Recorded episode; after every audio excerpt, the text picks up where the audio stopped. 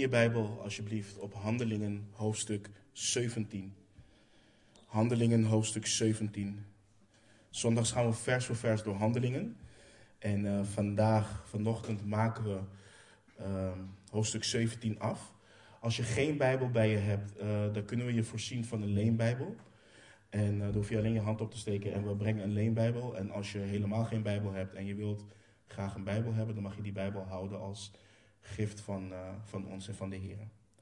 Handelingen hoofdstuk 17, vanaf vers 15. Dan lezen we dat Lucas onder leiding van de Heilige Geest schrijft. En zij die Paulus begeleiden, brachten hem tot aan Athene. En nadat zij op opdracht gekregen hadden om Silas en Timotheus te zeggen dat zij zo spoedig mogelijk naar hem toe moesten komen, vertrokken zij. En terwijl Paulus in Athene op hen wachtte, raakte zijn geest in hem geprikkeld. Want hij zag dat de stad vol afgodsbeelden stond. Hij ging dan in de synagoge in gesprek met de Joden en met hen die Godvrezend waren, en iedere dag op de markt met hen die hij er tegenkwam. En enige Epicurische en Stoïsche wijsgeren raakten met hem in een twistgesprek. En sommigen zeiden: Wat zou deze praatjesmaker toch willen zeggen? Maar anderen zeiden: Hij schijnt een verkondiger te zijn van vreemde goden, want hij verkondigde hun Jezus en de opstanding. En zij namen hem mee en brachten hem op de Areopagus en, zeiden, en zij zeiden: Mogen wij weten wat die nieuwe leer inhoudt waar u over spreekt? Want u laat ons uh, enkele vreemde dingen horen. Wij willen daarom weten wat die te betekenen hebben.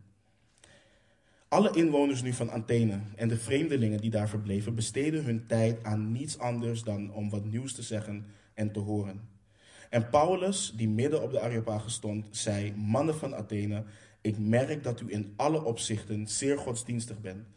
Want toen ik de stad doorging en uw heiligdommen bekeek, trof ik ook een altaar aan waarop het opschrift stond aan een onbekende God.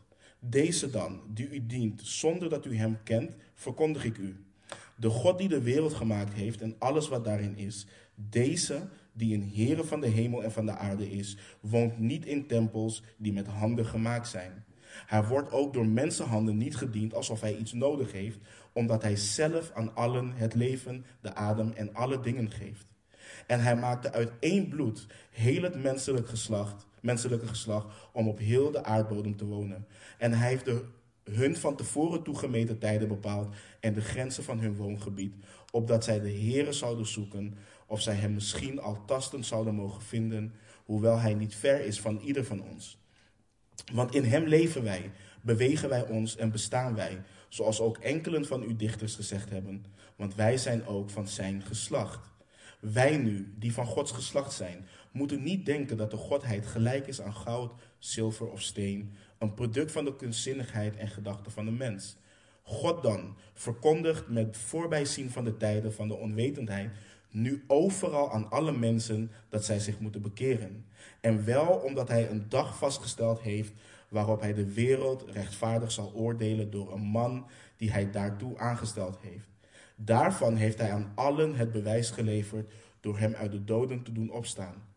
Toen zij nu over de opstanding van de doden hoorden, spotten, spotten sommigen daarmee. En anderen zeiden: Wij zullen u hierover nog wel eens horen.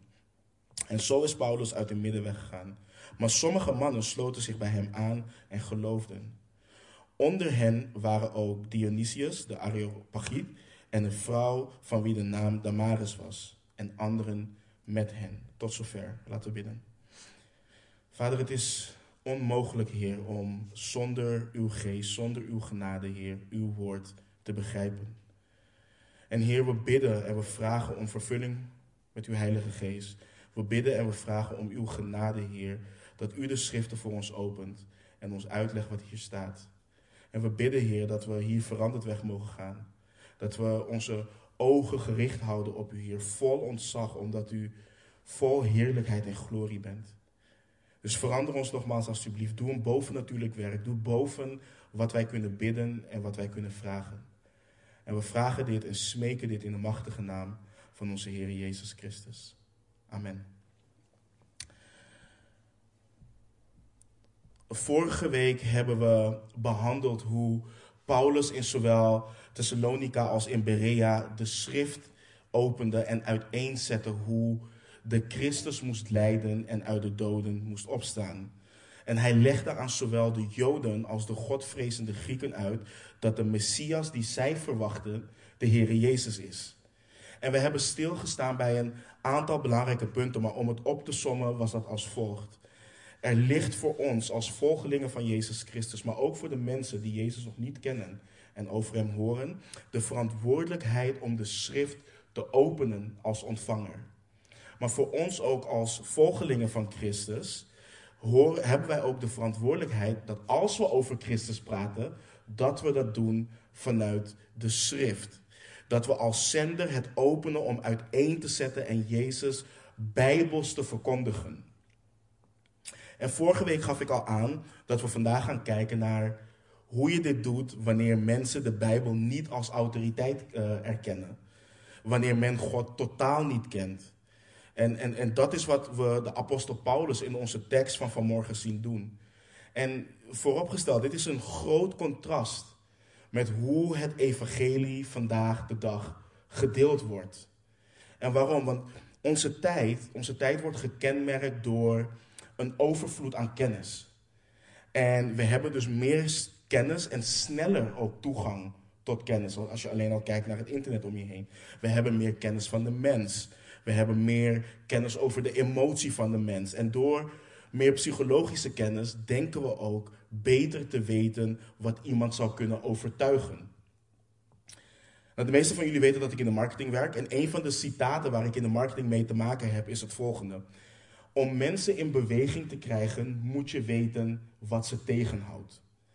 En, en dat is ook waar heel veel aandacht aan wordt besteed in marketing en reclame.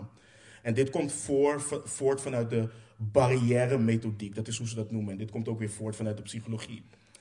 Maar let bijvoorbeeld op hoe dit te werk gaat. En ik, en ik citeer. Um, de persoon die dit heeft bedacht zegt: We zijn allemaal complexe, irrationele en onvoorspelbare wezens. We doen niet wat we zeggen en zeggen niet wat we doen.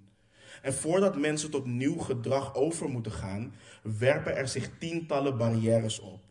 En we moeten eerst de weerstanden begrijpen en daarna pas kun je mensen in beweging krijgen.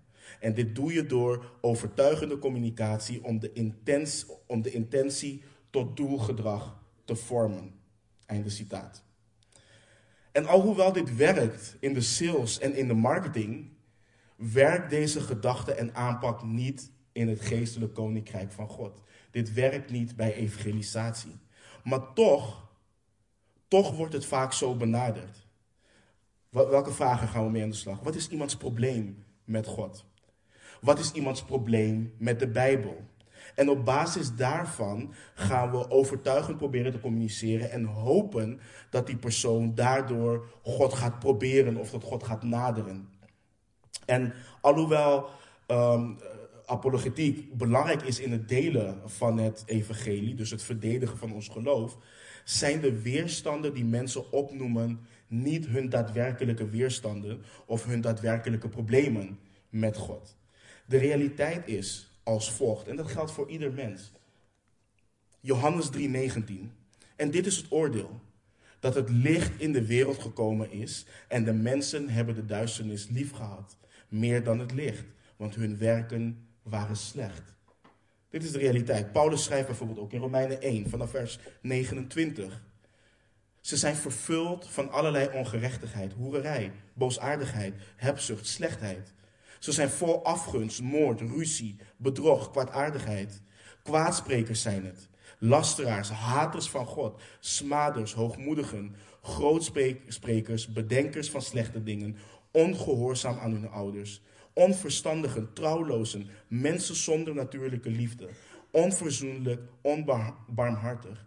Zij kennen het recht van God, namelijk dat zij die zulke dingen doen de dood verdienen. En toch doen zij niet alleen zelf deze dingen, maar stemmen ook van harte in met hen die ze doen. Romeinen 3 vanaf vers.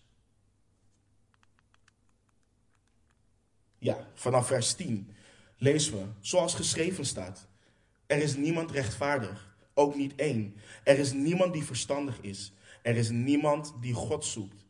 Allen zijn zijn afgedwaald. Samen zijn ze nutteloos geworden. Er is niemand die goed doet. Er is er zelfs niet één. Hun keel is een open graf. Met hun tong plegen zij bedrog. Addergif is onder hun lippen. Hun mond is vol vervloeking en bitterheid. Hun voeten zijn snel om bloed te vergieten. Vernieling en ellende is op hun wegen. En de weg van de vrede hebben zij niet gekend. De vreze Gods staat hun niet voor ogen. Dit is de realiteit. Dit is de keiharde realiteit. Dit is ook de realiteit voor ons voordat wij tot Christus kwamen. De schepping rebelleert tegen de schepper en verklaart dat God niet goed is. Dat God niet alwetend is. Dat God niet almachtig is. Dat God niet rechtvaardig, niet heilig. Dat God niet liefdevol is. Dat hij niet barmhartig, niet genadig, niet wijs en dat hij geen persoonlijke God is. De schepping verklaart dat God niets is van wat hij zegt te zijn. En dat is de reden waarom mensen niet tot God naderen. En voordat je denkt, nou dit is zwaar, waarom ik dit zeg is om de volgende reden. Als wij weten en onszelf eraan blijven herinneren dat dit is wat God zegt in zijn woord over mensen, dan hoeven we niet mogelijke weerstand proberen weg te nemen. We hoeven niet zelf proberen uit te vogelen hoe we het beste iemand tot de Here kunnen leiden. Dit herinnert ons eraan dat iemand pas van God gaat houden wanneer ze uit God geboren worden. De dingen van God kunnen pas gezien en begrepen worden wanneer men van boven is geboren. En iemand kan dus pas van God gaan houden wanneer ze beseffen dat God eerst van hen hield en wat het betekent dat God eerst van hen hield. En dan is het volgende belangrijk. Het, het ding is dat mensen niet zozeer hun gedrag moeten veranderen. Mensen moeten opnieuw geboren worden. Mensen moeten zalig worden. Want het gedrag is niet het probleem. Het gedrag van de mens laat zien dat er een probleem is. En het probleem is dat we gevallen mensen zijn, die afgesneden van God zijn en Hem de oorlog hebben verklaard. En ook al weten we veel, uh, ook al weten veel beleidende christenen dit, toch wordt er nadruk gelegd op gedrag en beïnvloedt dit ook hoe Christus wordt gedeeld. Hoe vaak proberen we mensen zo te sturen dat ze stoppen met bepaald gedrag in plaats van handelen met het besef dat ze kunnen stoppen met alle zonden in de wereld, maar als ze niet uit God geboren worden, ze alsnog verdoemd zijn. En hoe vaak denken we niet dat iemand door zijn of haar omstandigheden God niet kan aannemen? Dat ze bijvoorbeeld omdat ze uit een gebroken gezin komen, of dat ze uit een streng gezin komen, of dat ze X, Y, Z hebben meegemaakt en daarom God niet kunnen aannemen. Maar de realiteit is dat het daar niets mee te maken heeft. De realiteit is dat de mens niets, maar dan ook niets met God te maken wil hebben. We hebben dat net gelezen in Romeinen. Maar wij mensen zijn er gevoelig voor. Want we leven in een maatschappij waarin we alles willen repareren, omdat we denken dat we in staat zijn alles te repareren. En dat gedrag is ook de kerk ingeslopen. Want op basis van iemands ervaring met de kerk of beleidende christenen vermijden we onderwerpen als Gods toorn, Gods heiligheid, Gods rechtvaardigheid of Gods soevereiniteit. En we gaan dan zelf proberen om een nadruk op een bepaald aspect van God te plaatsen in de hoop dat die persoon, dat het hart van die persoon voor God verzacht wordt en God een kans zal geven. Dus mensen moeten opnieuw geboren worden. En daarvoor is het Bijbels evangelie nodig. Niet het evangelie aangepast door de mens om het gedrag van iemand te beïnvloeden. Maar het evangelie van Jezus Christus om uit God een nieuw hart te ontvangen. En vandaag beantwoordt God in zijn woord een vraag die ik vaker heb gehad. Hoe maak je God kenbaar, bijbels kenbaar aan mensen die God totaal niet kennen? Hoe maak je God kenbaar aan mensen die de Bijbel niet erkennen als het woord van God? En hoe maak je God kenbaar aan mensen waarvan de wereld ze heeft bestempeld als zogenaamde de intellect. Weet je wel, de intellectuele mensen die veel van wetenschap en dat soort zaken weten. En God laat zien hoe hij Paulus gebruikt en de woorden die hij Paulus gegeven heeft om deze mensen voor Christus te winnen. En we zien daarin het volgende. En dat is ook de conclusie van de studie. Om de wereld voor Christus te bereiken, moeten we mensen de superioriteit van God en hun eigen zonde laten zien en hen oproepen tot bekering en geloof in de opgestaande Heer Jezus Christus. Dus als we mensen echt voor Christus willen winnen, dan moeten we de onbekende God bijbels kenbaar maken, ook al erkennen ze Hem en Zijn woord niet. Maar voordat we beginnen bij vers 15, wil ik direct naar versen 32 tot met 34 om een soort van de olifant in de kamer weg te benoemen en die gelijk weg te nemen. Er zijn drie mogelijke reacties op het evangelie. En dat zien we in onze tekst vanaf vers 32.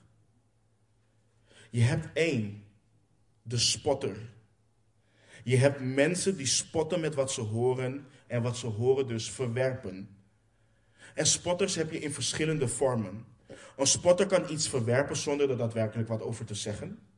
Ze kunnen zeggen, nou dat is leuk voor jou, maar voor mij hoeft dat niet. Het is leuk dat het voor jou werkt. Maar je hebt ook de extreme vorm. En dat is waar we naar verwezen worden in onze tekst van vanmorgen. Dit zijn de mensen die wat ze horen belachelijk maken. En het blijft niet daarbij. Ze vinden het niet voldoende om het af te wijzen. Nee, deze persoon vindt geen rust voordat hij de dwaasheid heeft aangetoond van het idee, idee wat hij, heeft, hij of zij heeft gehoord. Een spotter uit zijn of haar oneenigheid en bespot iedereen die tegenover hem of haar staat en gaat ook actief op zoek naar anderen die datzelfde standpunt delen. Kijk bijvoorbeeld naar alles wat je de laatste tijd ziet op Facebook. Ze zoeken elkaar op om de christenen allemaal in een hoekje te plaatsen. Dat is hoe spotters te werk gaan. Maar de vraag is, waarom spotten mensen met het evangelie? Met het bijbelse evangelie? En Paulus geeft daar een prachtig antwoord op in 1 Korinthe 1 vers 18. En het antwoord is, want het woord van het kruis is voor hen die verloren gaan dwaasheid. Maar voor ons die behouden worden is het een kracht van God.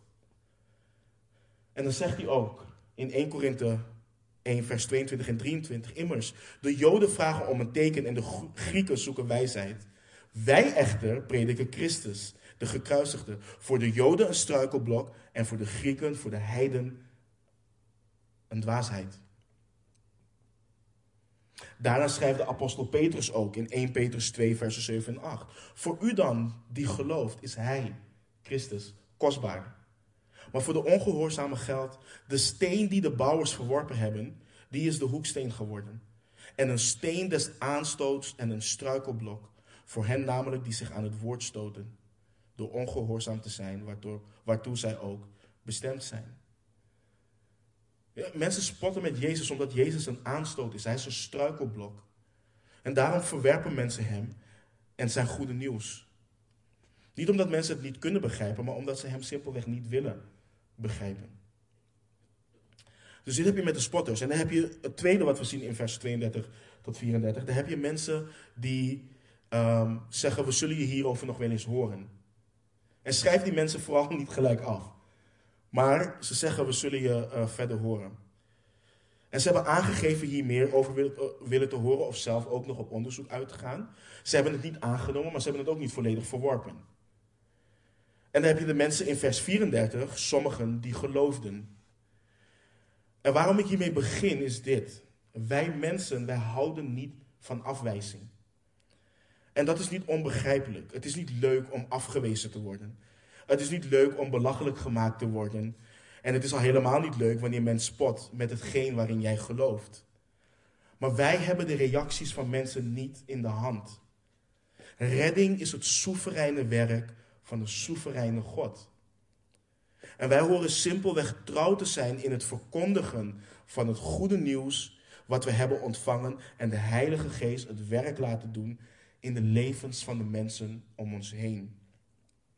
We verkondigen het evangelie niet om mensen te behagen. Paulus schreef ook in Galaten 1 vers 10. Wat ben ik nu bezig mensen te overtuigen of God? Of probeer ik mensen te behagen? Als ik immers nog mensen behaagde, zou ik geen dienstknecht van Christus zijn. Dus we moeten hier echt rekening mee houden. Dat we God verkondigen. En dat we Hem willen verheerlijken. En niet de mensen om ons heen. Oké, dus onze tekst van vanmorgen nu. Paulus werd begeleid, lezen we vanaf vers 15, en gebracht tot aan Athene en gaf de broeders die hem daar gebracht hadden de opdracht om Silas en Timotheus, die in Berea achtergebleven uh, waren, te zeggen om zo spoedig mogelijk naar hem toe te komen. Dit is overigens niet zomaar een reis wat Paulus hier heeft afgelegd. Van Berea naar Athene was een reis van meer dan 400 kilometer. En, en terwijl Paulus daar wachtte op Silas en, Timotheus, uh, en Timotheus, raakte zijn geest in hem geprikkeld vanwege de afgodsbeelden die hij in de stad zag. En je moet jezelf voorstellen, hè? Athene was een prachtige stad om te zien en, en, en om, om te zijn. Een hoogtepunt qua cultuur, kunst, educatie en noem maar op. Maar niets van deze dingen interesseerde Paulus. Wat Paulus qua emotie heftig in beweging bracht, was de afgoderij om hem heen in de stad. En het is niet alsof Paulus voor het eerst te maken krijgt met afgoderij. Paulus kwam uit Tarsus. Daar was het ook niet veel beter. Maar wat je bij Paulus ziet is iets prachtigs. Kijk, hoe meer je van God houdt, des te meer je walgt van de afgoderij om je heen. Des te meer je in je geest geprikkeld raakt vanwege de afgoderij en de goddeloosheid die je ziet om je heen. En sommige historici uh, zeggen en schrijven dat op dit moment in de geschiedenis het makkelijker was om in Athene een afgodsbeeld tegen te komen dan een daadwerkelijk persoon. En dat is natuurlijk overdreven, maar het geeft een goed beeld aan van hoe erg het was in Athene. Er was op een gegeven moment, um, um, um, alleen in het openbaar al, meer dan 30.000 afgodsbeelden in die stad. Wij kunnen ons hier op dit moment niets bij voorstellen. Je had letterlijk een God voor alles. Op elke hoek had je wel een altaar of een afgodsbeeld voor een God. En wat Paulus hier ziet is wat hij omschrijft in Romeinen 1 vanaf vers 21. Dan schrijft hij, want zij hebben, hoewel zij God kennen, hem niet als God verheerlijkt of gedankt. Maar zij zijn verdwaasd in hun overwegingen en hun onverstandig hart is verduisterd. verduisterd. Terwijl zij zich uitgaven voor wijzen, zijn ze dwaas geworden. En hebben zij de heerlijkheid van de onvergankelijke God vervangen door een beeld dat lijkt op een vergankelijk mens, op vogels en op viervoetige en kruipende dieren. Daarom ook heeft God hen in de begeerte van hun hart overgegeven aan de onreinheid om hun lichamen onder elkaar te oneren. Zij hebben de waarheid van God vervangen door de leugen en het schepsel vereerd en gediend boven de schepper die te prijzen is tot in de eeuwigheid. Amen. Maar als we denken dat het toen erg was, dan zien we, moment, dan zien we niet wat er momenteel om ons heen gebeurt. Afgoderij heerst in onze maatschappij en samenleving. Maar nu hebben we geen afgodsbeelden meer nodig. Ook al worden Boeddha-beelden als warme broodjes verkocht. Nu hebben we devices waar we met één tik toegang krijgen tot alle afgoden van onze hartstochten. En we hoeven daar niet veel te doen, want mensen zijn gemaakt om te aanbidden. We zijn gemaakt naar het evenbeeld van God voor zijn glorie, voor zijn heerlijkheid. Maar wanneer de mens weigert God te aanbidden, dan voelt hij of zij de drang om die leegte in zijn of haar hart op te vullen. En dat doet men dan met seks, met drank, met drugs, met entertainment, met wat dan ook. Maar het ding is dat niets en niemand anders dan de levende God van de Bijbel, de God van Israël, die leegte kan opvullen. Want we zijn als mensen door en voor Hem gemaakt. En het is belangrijk voor ons als beleidende christenen ook om onszelf af te vragen. Raak ik geprikkeld in mijn geest door de afgoderij om me heen? Door de goddeloosheid om me heen? Of is het allemaal normaal geworden? Kijk ik er niet meer van op?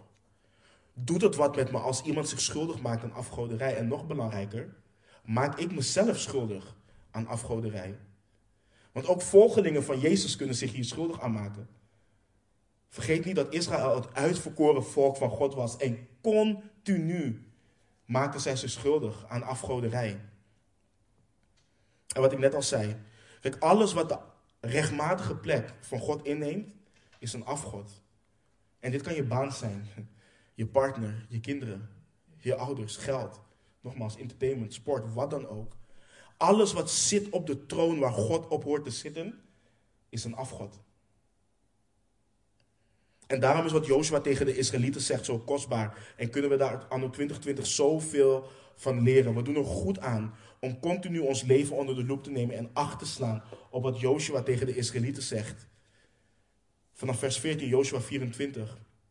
Nu dan, vrees de Heer. Dien hem in oprechtheid en trouw. Doe de goden weg die uw vaderen gediend hebben aan de overzijde van de rivieren en in Egypte. En dien de Heer. Maar als het in uw ogen kwalijk is de Heer te dienen, kies voor u heden wie u zult dienen. Of de goden die uw vaderen die aan de overzijde van de rivier woonden, gediend hebben, of de goden van de Amorieten, van wie u het land bewoont. Maar wat mij en mijn huis betreft, wij zullen de Heer dienen. Let op wat Joshua zegt, we zullen altijd aanbidden. Of we aanbidden de God van Israël, of we aanbidden iets of iemand anders. Altijd. En dus geprikkeld in zijn geest zien we dat vanaf vers 17 hoe Paulus in gesprek ging met de Joden in de synagogen en met hen die Godvrezend waren, dus met de heidenen. En Paulus had een hart voor de verlorenen om hem heen en hij ging in gesprek met hen die hij tegenkwam op de markt. En dan lezen we vanaf vers 18 dat enige Epicurische en Stoïsche wijsgeren met hem in een twistgesprek raakten. En het is goed om deze twee groepen even te definiëren. Want als je de filosofie van deze twee groepen bij elkaar brengt, dan heb je te maken met een groot deel van de wereld die we vandaag de dag kennen. En om, om het op te sommen. De Epicurische filosofen waren aanhangers van de filosoof Epicurus. En deze filosoof leefde van zo'n 341 tot 270 voor Christus. En Epicurus geloofde in atomisme. En de aanhangers van hem geloven en leren dat plezier, niet het nastreven van kennis het hoogste goed is, maar plezier. Het nastreven van plezier is het doel van het leven volgens hen. Dus het gaat erom dat je op zoek gaat naar het geluk en dat je dat bereikt door zoveel mogelijk leid te, of leed te vermijden. En volgens Epicurus bestaat alles uit lege ruimte en atomen. En daarom was het bijvoorbeeld ook voor hun zinloos om de dood te vrezen. En hij zei ook, en ik citeer: Zolang wij er zijn, is de dood er niet. En wanneer de dood gekomen is, zijn wij er niet meer. Einde citaat. En doordat de goden in hun ogen ook atomen waren, geloofden de Epicurische filosofen dat God, of dat de goden niet persoonlijk waren, uh, betrokken waren in het leven van mensen. Maar dan heb je de Stoïsche filosofen. En die volgden de, de leringen van Zeno. Dus 332 tot 260 voor Christus. En die dacht dat het goede in de ziel zelf ligt. Eh, en die door wijsheid en terughoudendheid een persoon verlost van de hartstochten en verlangens die het gewone leven verstoren. En de Stoïsche filosofen probeerden in harmonie met de natuur te leven en legden grote nadruk op het rationele vermogen van de mens en zijn gehoorzaamheid aan zijn eigen plicht. En deze nadruk op hun eigen kunnen vervulde hen ook met trots. En ze waren pantheïstisch en beschouwden God als de wereldziel. Dus God is het universum. En als je goed denkt, klinkt dit bekend, toch? Als je dit samenvoegt, hebben we te maken met een groot gedeelte wat we tegenwoordig kennen als New Age. Waar overigens niks nieuws aan is, want dit, dit gaat oud, eeuwen oud is dit. Maar deze mensen, deze mensen raakten in een twistgesprek met Paulus. En we, we lezen dat sommige Paulus een praatjesmaker noemden. En sommigen hem een verkondiger van vreemde goden. En de reden was omdat hij hen Jezus en de opstanding verkondigde.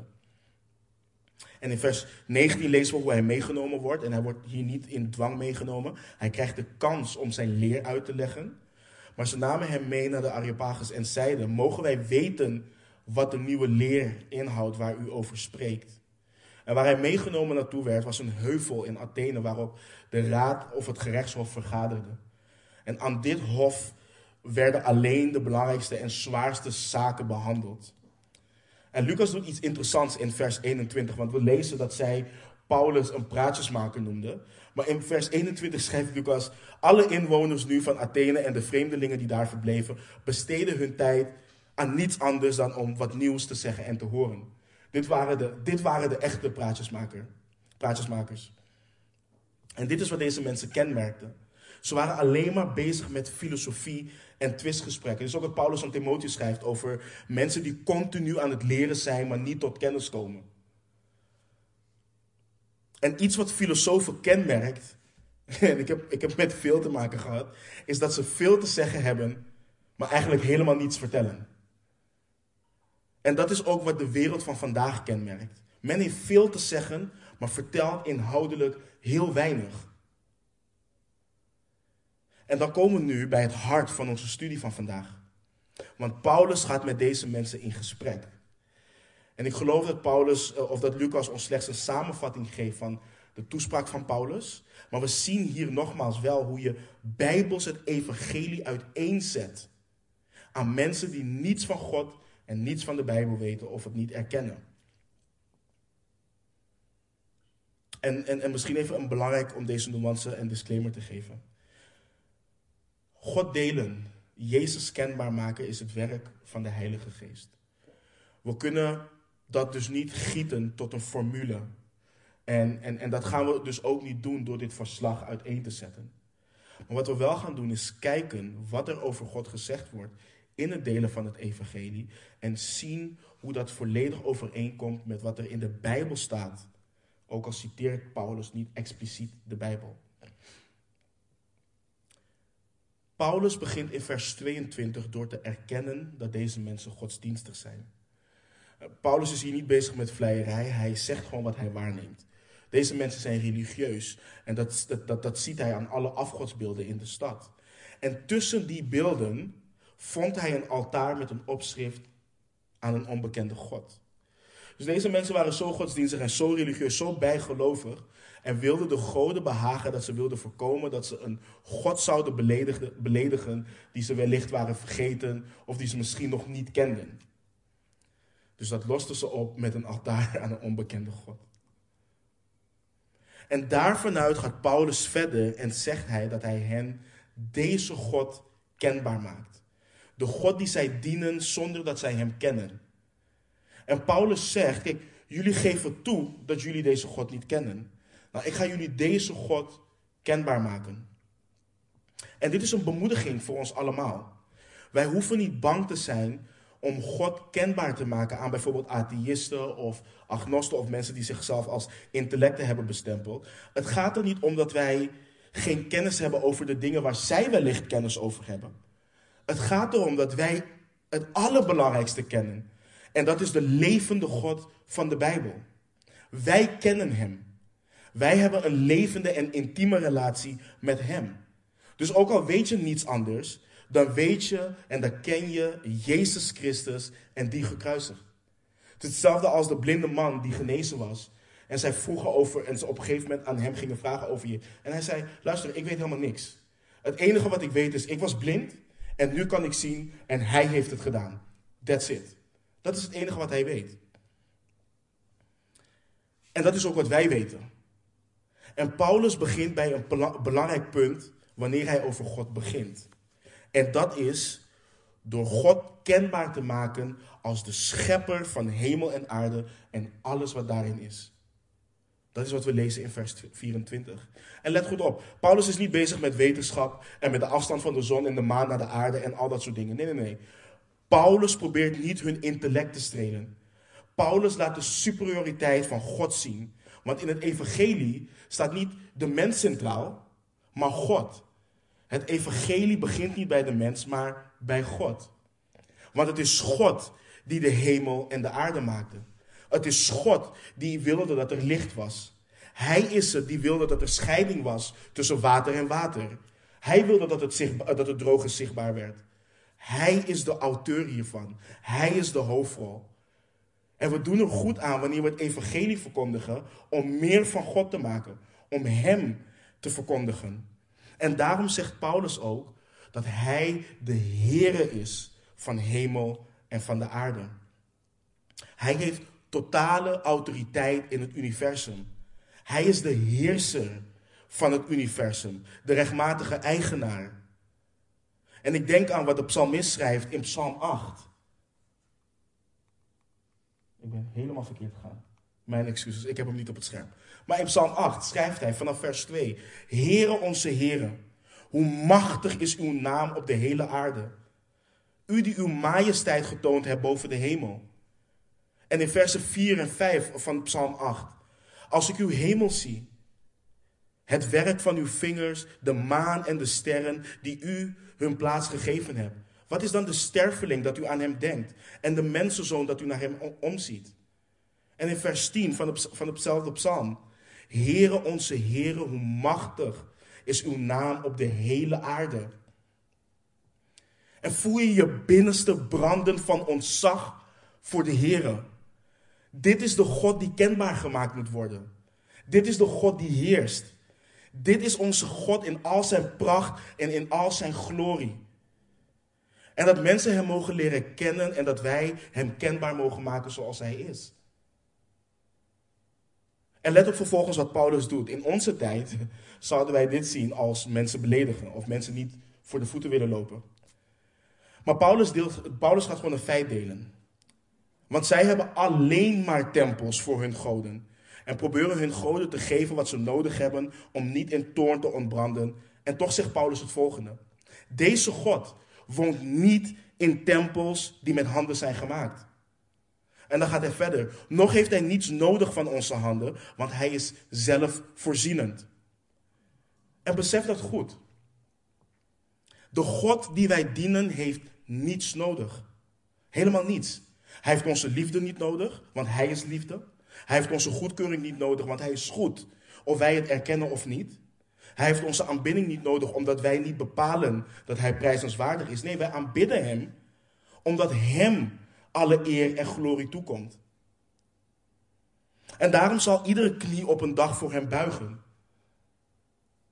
God heeft niets nodig. Hij bestond in eeuwigheid voordat de wereld bestond. En had toen ook niets nodig.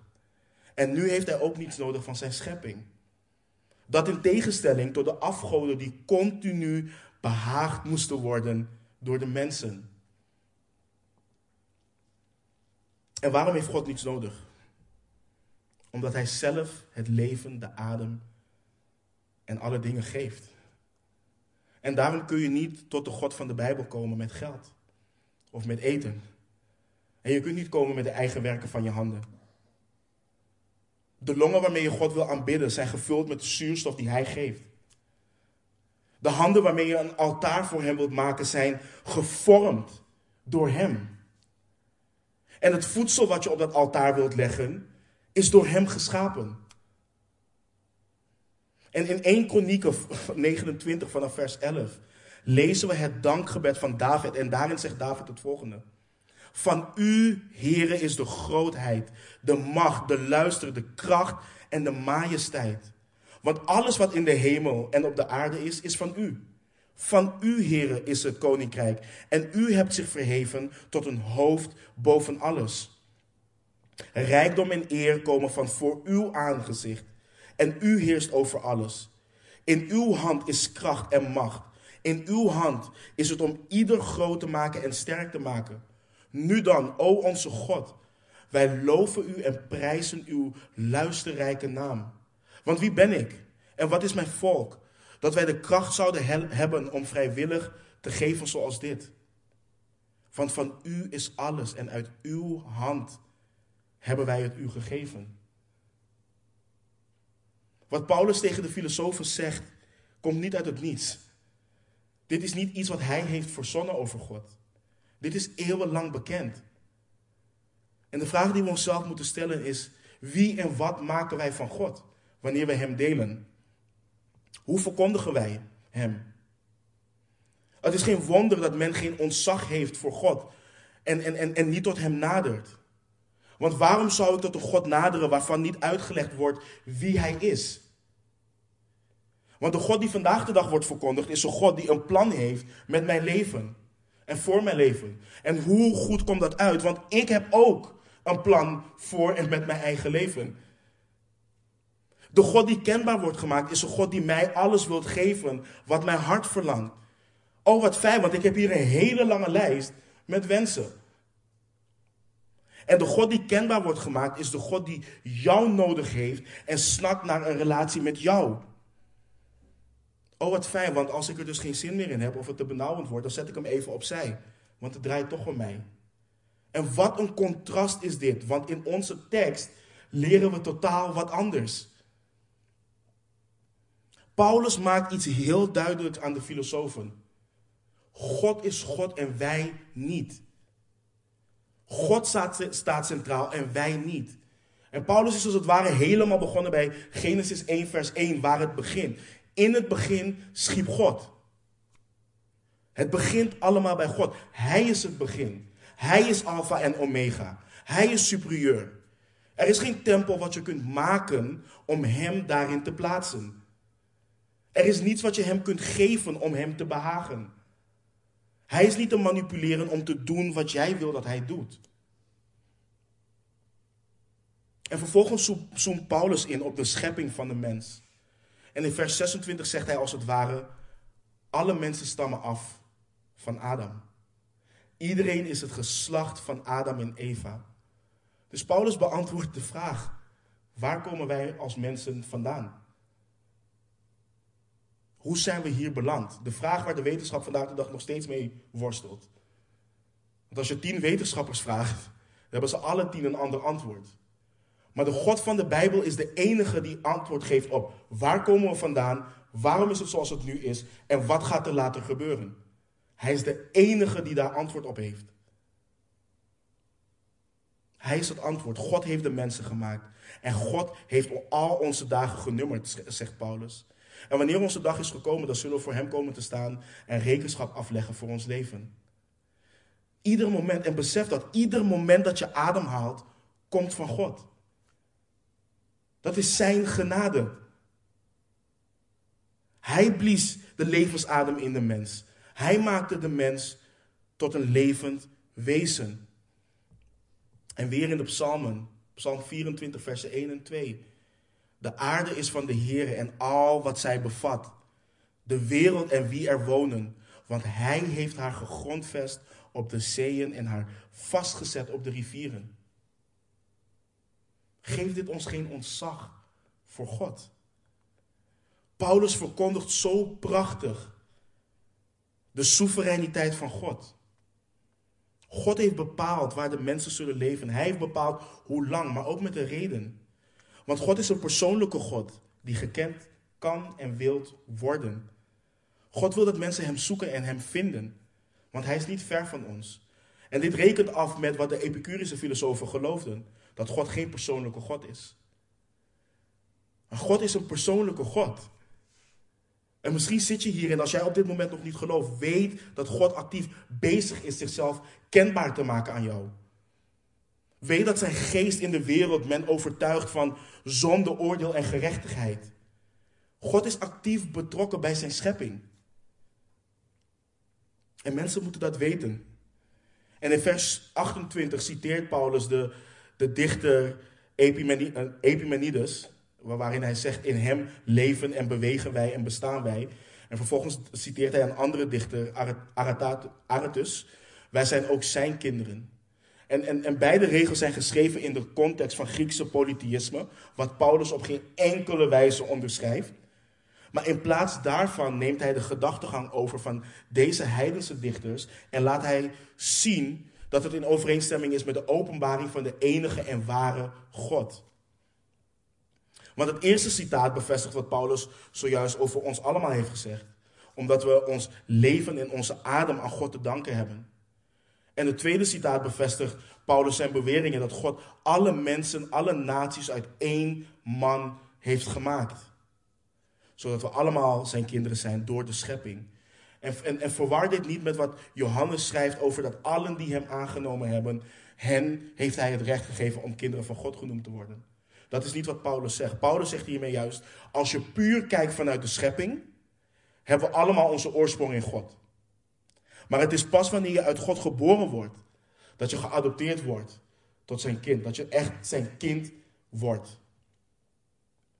En dan gaat Paulus in vers 29 er echt voor. Hij zegt, aangezien we dus van Gods geslacht zijn In de zin dat hij ons allemaal heeft gemaakt en we ons hele bestaan aan hem te danken hebben, is afgoderij verwerpelijk. Het is belachelijk. Te denken dat we God kunnen maken tot een beeld van goud of zilver of steen, is absurd. En Paulus toont dus in deze hoofdstad van afgoderij hoe absurd de afgoderij is waar zij zich schuldig aan maken. Paulus benoemt de zonde. Hij benoemt de zonde. Dus wat zien we Paulus hier duidelijk doen in deze versen? Hij zet God op zijn rechtmatige plek en de mens op haar rechtmatige plek. De mens is God niet en God niet de mens. En het is de hoogmoed van deze zogenaamde intellectuele filosofen wat Paulus hier heeft aangepakt. En hij hoefde hen niet te beledigen. Hij hoefde ook niet op, het, op hun niveau te praten en hem proberen te overtuigen van, eh, op basis van wetenschappelijke feitjes dat wat hij zegt waar is. Want dit gaat niet om intellect en gedrag, maar om de ziel van een mens. En het is alleen door de superioriteit van God aan te tonen dat, mens gaat, dat de mens gaat inzien dat zij verantwoording af moeten leggen aan hun schepper. Niet door te bewijzen dat er buiten, buiten Bijbelse bronnen uh, zijn die het bestaan van Jezus aantonen. Hoe blij ik ook ben met deze bronnen en ze ook wel eens gebruik. Maar we moeten meer van God maken. We moeten Hem verkondigen zoals Hij is. En in vers 30 en 31 gaat Paulus over tot een punt wat we in onze tolerante tijd niet meer willen aanhalen. Laten we lezen vanaf vers 30. God dan verkondigt met voorbijzien van de tijden van de onwetendheid nu overal aan alle mensen dat zij zich moeten bekeren. En wel omdat hij een dag vastgesteld heeft waarop hij de wereld rechtvaardig zal oordelen door een man die hij daartoe aangesteld heeft. Daarvan heeft hij aan allen het bewijs geleverd door hem uit de doden te doen opstaan. Paulus laat nu het volgende weten. God heeft de onwetendheid van de heidenen gelaten voor wat het was. Maar nu, nu roept hij aan alle mensen op om zich te bekeren. En niet zomaar, omdat God een dag heeft vastgesteld waarop hij de wereld rechtvaardig zal oordelen door een man, door Jezus Christus, die hij daartoe heeft aangesteld. En het bewijs heeft hij geleverd door Jezus, uh, dat Jezus de wereld gaat oordelen, door Jezus uit de doden te doen opstaan. Paulus is niet de enige in het Nieuwe Testament die mensen opriep tot bekering. En waarom ik dit zeg is omdat mensen moeite hebben met de apostel Paulus. Want Paulus heeft de meest controversiële thema's op zijn naam staan in het Nieuwe Testament. En daardoor hebben mensen met hoogmoed in hun hart moeite met de woorden van de apostel Paulus. En zeker omdat hij zoveel opriep tot bekering. Maar let op de eerste, de eerste woorden van de Heer Jezus nadat hij de woestijn verliet. En nadat Johannes overgeleverd was, ging Jezus naar Galilea en predikte het evangelie van het koninkrijk van God. En hij zei, de tijd is vervuld en het koninkrijk van God is nabijgekomen. Bekeer u en geloof het evangelie. Mensen moeten worden opgeroepen tot bekering. En, en het oproepen tot bekering is niet het veroordelen van iemand. Het zijn juist woorden van genade. Het zijn woorden van hoop. Het zijn woorden van liefde. Want het feit dat er bekering mogelijk is, betekent dat God een manier heeft geboden om met Hem verzoend te worden.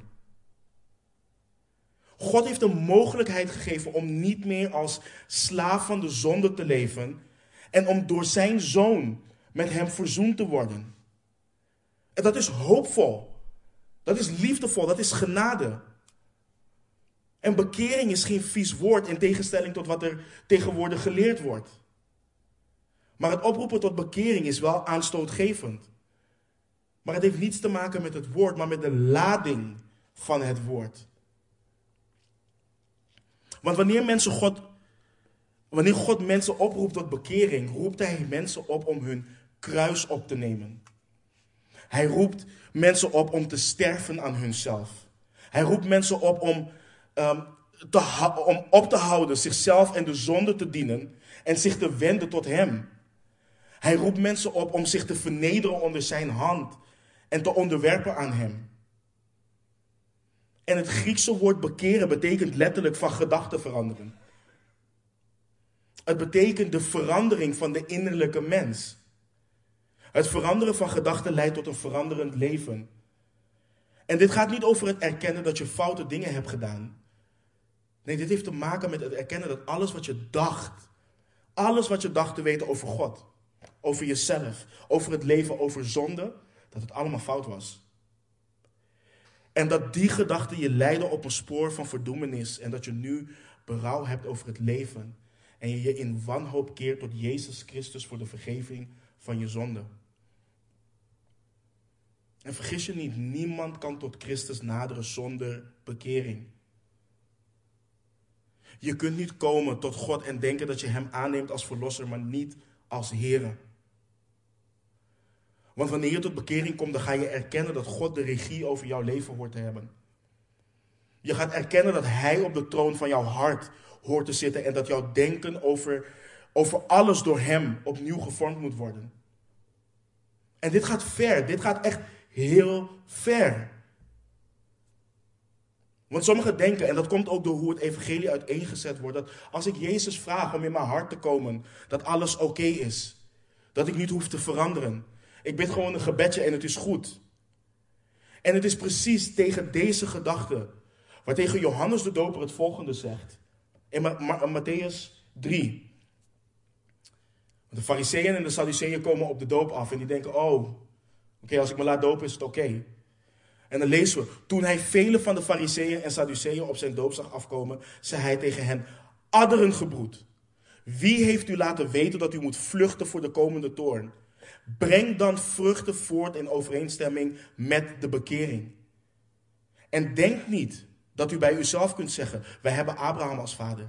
Want ik zeg u dat God zelfs uit deze stenen voor Abraham kinderen kan verwekken. Bekering produceert vruchten. Het brengt vrucht voort. En dan is de vraag: waarom moeten mensen zich bekeren? En het antwoord geeft hij, want er is een dag. Er is een dag en die dag is al vastgesteld door God. Er is een dag dat God de wereld zal oordelen. En we hebben hier uitgebreid bij stilgestaan in onze driedelige serie van Handelingen 4:12. Maar ik moet het weer zeggen, mensen zijn in gevaar. De toorn van God rust op de mens. En het is alleen door vast te grijpen aan Jezus Christus, die bloedde aan het kruis en uitriep: Het is volbracht. Alleen door te geloven in de Zoon van God kan kunnen mensen gered worden. Hij is de verzoening voor onze zonde. Hij is geopenbaard om de zonde weg te nemen. En wie in hem gelooft, heeft eeuwig leven. Maar wie de zoon ongehoorzaam is, zal het leven niet zien en de toorn van God blijft op hem. En doet dit ons, wij die gered zijn, niet beven voor de zielen van onze naasten? Is dit alleen al niet genoeg om de smaad en de laster en vervolging te verdragen omwille van het evangelie? Dit gaat om de zielen van mensen. En onze God is een toornige God. Men heeft gezondigd tegen een heilig en rechtvaardig God. En mensen moeten dit weten. En we horen voorzichtig te zijn, want let op wat Paulus verkondigt. Hij verkondigt dat God de wereld zal oordelen door een man, door Jezus Christus. En er is een gedachte waarin men denkt dat God de Vader, Vader toornig is. En dat God de Zoon zacht is en is gestorven om de Vader minder boos te maken. En dit is ketterij, dit is dwaalleer. Ja, toen Jezus hier op aarde was, zei hij: Ik veroordeel je ook niet tegen de overspelige vrouw. Hij zei inderdaad: Wie van u zonder zonde is, laat die de eerste steen op haar werpen. Dat zei hij. En er staat inderdaad, inderdaad in Johannes 3:17, want God heeft zijn zoon niet in de wereld gezonden, opdat hij de wereld zou oordelen, maar opdat de wereld door hem behouden zal worden. Het staat er. Maar laten we niet kijken naar dit eenzijdig beeld, omdat dit ons een goed gevoel geeft. Want daar waar het lam van God kwam om de zonde van de wereld weg te nemen, lezen we in Openbaring 6:16: Val op ons en verberg ons voor het aangezicht van hem die op de troon zit en voor de toorn van het lam. En de Heer Jezus is niet alleen het lam van God, hij is ook de leeuw van Juda. En hij zei zelf in Matthäus 16, 27, want de zoon des mensen zal komen in de heerlijkheid van zijn vader, met zijn engelen. En dan zal hij ieder vergelden naar zijn daden. En we doen er goed aan.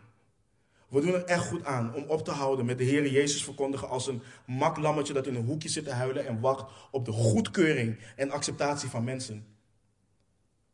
De Heer Jezus is verheerlijkt. In zijn volledige glorie zit hij nu. Hij bezit de glorie die hij had in eeuwigheid bij de Vader. En dit is de Jezus Christus die Johannes ziet in Openbaring 1. Wanneer we lezen vanaf vers 10. Ik was in de geest op de dag des Heren en ik hoorde achter mij een luide stem als van een bazuin. Die zei, ik ben de Alpha en de Omega. De eerste en de laatste. En wat u ziet, schrijf dat, op in een, schrijf dat op een boekrol en stuur het aan de zeven gemeenten die in Azië zijn. Naar Efeze, naar Smyrna, naar Pergamus, naar Thyatira, naar Sardes, naar Philadelphia, naar Laodicea. En ik keerde mij om om de stem te zien die met mij had gesproken. En toen ik mij had omgekeerd, zag ik zeven gouden kandelaren. En te midden van die zeven kandelaren zag ik iemand die op de zoon des mensen leek. Gekleed in een gewaad tot op de voeten en op de borst omgord met een gouden gordel. En zijn hoofd en haar waren wit, als witte wol, als sneeuw, en zijn ogen waren als een vuurvlam. En zijn voeten waren als blinkend koper, gloeiend gemaakt in een oven. En zijn stem klonk als een geluid van vele wateren. En hij had zeven sterren in zijn rechterhand, en uit zijn mond kwam een tweesnijdend scherp zwaard. En zijn gezicht was zoals de zon schijnt in haar kracht. En let op vers 17. En toen ik hem zag, viel ik als de dood aan zijn voeten. En hij legde zijn rechterhand op mij en zei tegen mij: Wees niet bevreesd. Ik ben de eerste en de laatste en de levende. En ik ben dood geweest en zie, ik ben levend tot in alle eeuwigheid. Amen. Ik heb de sleutel, en ik heb de sleutels van het rijk van de dood en van de dood zelf. Dit is de Jezus Christus die wij dienen. Dit is de Jezus Christus die terugkomt. Johannes viel als de dood voor zijn voeten toen hij hem zag in zijn volledige glorie. Waarom denken we dat de 24 ouderlingen hun, hun kroon werpen voor zijn voeten? En heilig, heilig, heilig blijven zingen. Dit is de opgestaande Jezus Christus. Dit is Jezus. Dit is de zoon des mensen, door wie God de, de aarde zal oordelen. En broeders en zusters, laat dit ons ontzag geven voor onze God. En laat dit ons drijven om ons te bekommeren om de zielen van onze naasten. Om God bijbels te verkondigen. Niet zoals Paulus alleen deed, maar zoals alle heiligen deden onder leiding van de Heilige Geest. En let ook op het volgende. Paulus zegt dat het oordeel van God rechtvaardig zal zijn. God zal op de dag van het oordeel nooit en niet te beschuldigen zijn van een onrechtvaardig oordeel. En ieder zal krijgen wat hem of haar toekomt. En niet op basis van een weegschaal. Heb ik zoveel goede dingen gedaan in mijn leven? Heb ik zoveel slechte dingen gedaan in mijn leven? Nee. Niet op basis van een balans van de goede en de slechte daden. Nee, op, op basis van het feit dat mensen schuldig zijn. En dit is een hele belangrijke, want ik hoor wel eens, ja, hoe, hoe kan God, waarom stuurt God me naar de hel? Omdat ik niet in Jezus geloof. Nee. Je bent al schuldig. Je bent niet schuldig omdat je niet in Jezus gelooft. Je bent al schuldig. En de enige die die schuld op zich kan nemen is degene die aan het kruis is gestorven en weer is opgestaan. Jezus Christus, de enige hoop van mensen. Maar wanneer men het offer van genade blijft verwerpen, het liefdevolle en barmhartige offer wat God heeft gegeven om de verdoemenis wat rust op een persoon weg te nemen, dan zal die persoon rechtvaardig veroordeeld worden op basis van het feit dat hij of zij al schuldig is. Omdat het loon van de zonde de dood is. En de apostel Petrus schreef ook in 1 Petrus 4, 5 dat allen die de zonde blijven dienen rekenschap moeten afleggen aan hem, dus Jezus, die gereed staat om de levenden en doden te oordelen. En zijn oordeel zal volledig rechtvaardig zijn. Want deze Jezus is de ware Jezus. En Paulus zegt dat God het bewijs heeft geleverd over de Heer Jezus door hem op te wekken uit de dood. Door hem uit de doden te doen opstaan. En wat prachtig is, is het volgende. Je kunt niet over de opstanding uit de doden praten zonder over wat er aan het kruis heeft uh, plaatsgevonden. En je kunt niet over het kruis praten zonder het te hebben over waarom Jezus aan het kruis ging. En je kunt niet daarover praten zonder terug te gaan naar waar de mens viel en wat voor effect dat heeft gehad op ons allemaal. En je kunt het niet daarover hebben zonder helemaal terug te gaan naar de auteur van dit evangelie. De levende, de enige en de waarachtige God. En lieve broeders en zusters, wat we hier zien, dit is het delen van het evangelie. En ik wil niemand veroordelen, maar het is niet ik bid voor je. Niet probeer Jezus. Niet ik ben een christen.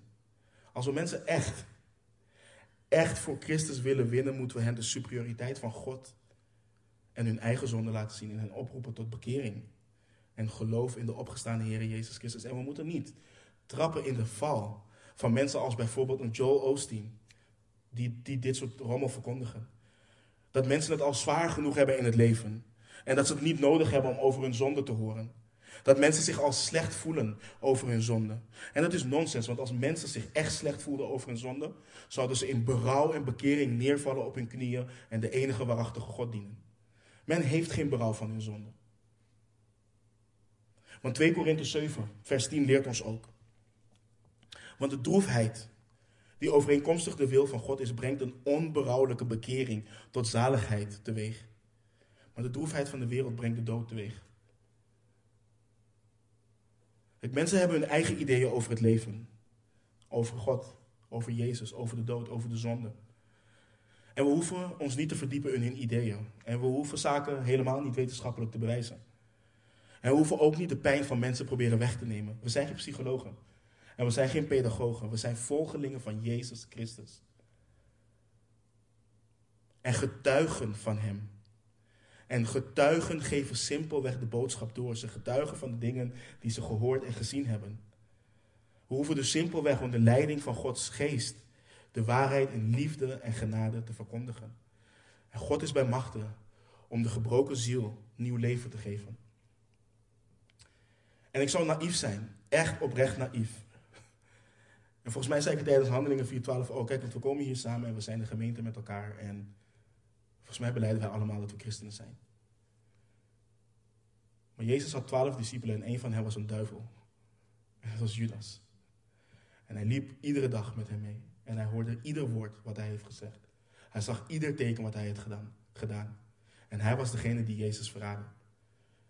Dus ik zou echt naïef zijn als ik niet de oproep zou doen om je te bekeren en te geloven in Jezus Christus. Het is goed nieuws van Hem die de aarde heeft gemaakt. En het is goed nieuws om te weten dat Hij heilig, rechtvaardig, maar ook een toornig God is. Dat Hij het kwade niet kan verdragen. En dat Hij zal afrekenen met het kwade. En het is goed nieuws dat je mag weten dat alle ellende en de zonde wat nu in de wereld regeert, dat God dat zal vergelden.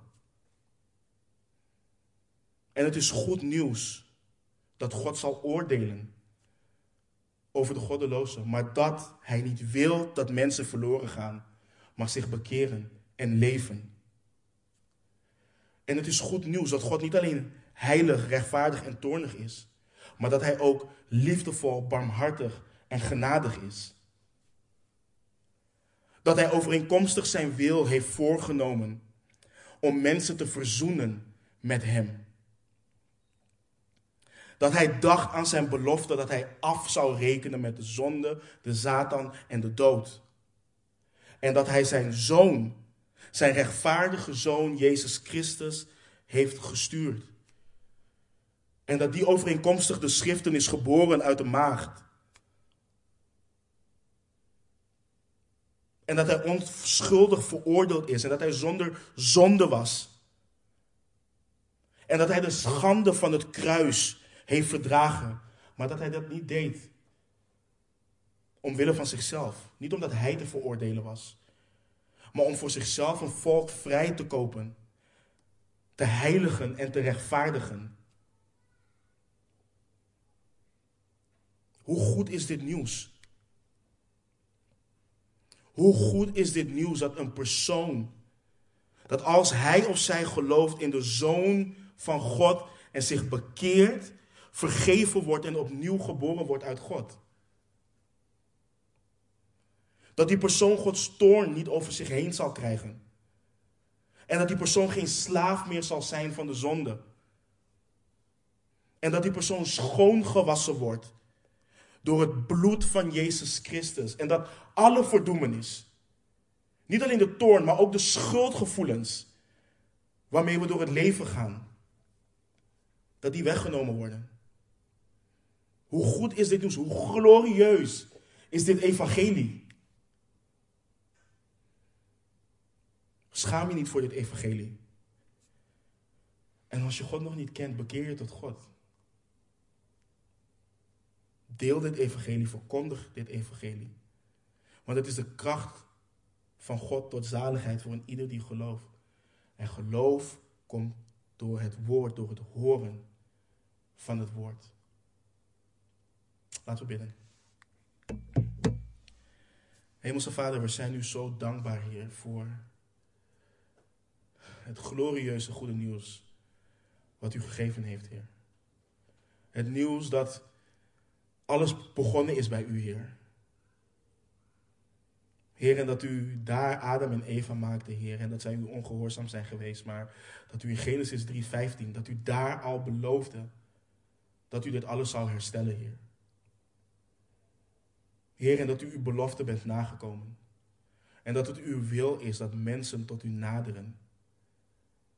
Tot u naderen voor de vergeving van zonde. Voor verzoening met u. Heer, wat is het goed om te weten dat dit uw kracht is, Heer. En ik bid voor mijn broeders en mijn zusters, Heer, dat wij de vrijmoedigheid hebben om dit goede nieuws te delen. Zonder compromissen, Heer. Zonder water bij de wijn te doen. Maar om u in uw volledige glorie te delen en het glorieuze werk wat u gedaan heeft aan het kruis. En Heer, u weet wie momenteel de zwaarte van zijn of haar zonde op zijn schouders of haar schouders voelt. En ik bid u voor het bovennatuurlijke werk van uw geest. Om met kracht in het leven van die persoon te komen en die persoon naar u toe te trekken, Heer, en een nieuw leven te geven. Heer, we houden van u. We danken u. We loven en prijzen uw naam en bidden al deze dingen in de machtige naam van onze Heer Jezus Christus. Amen.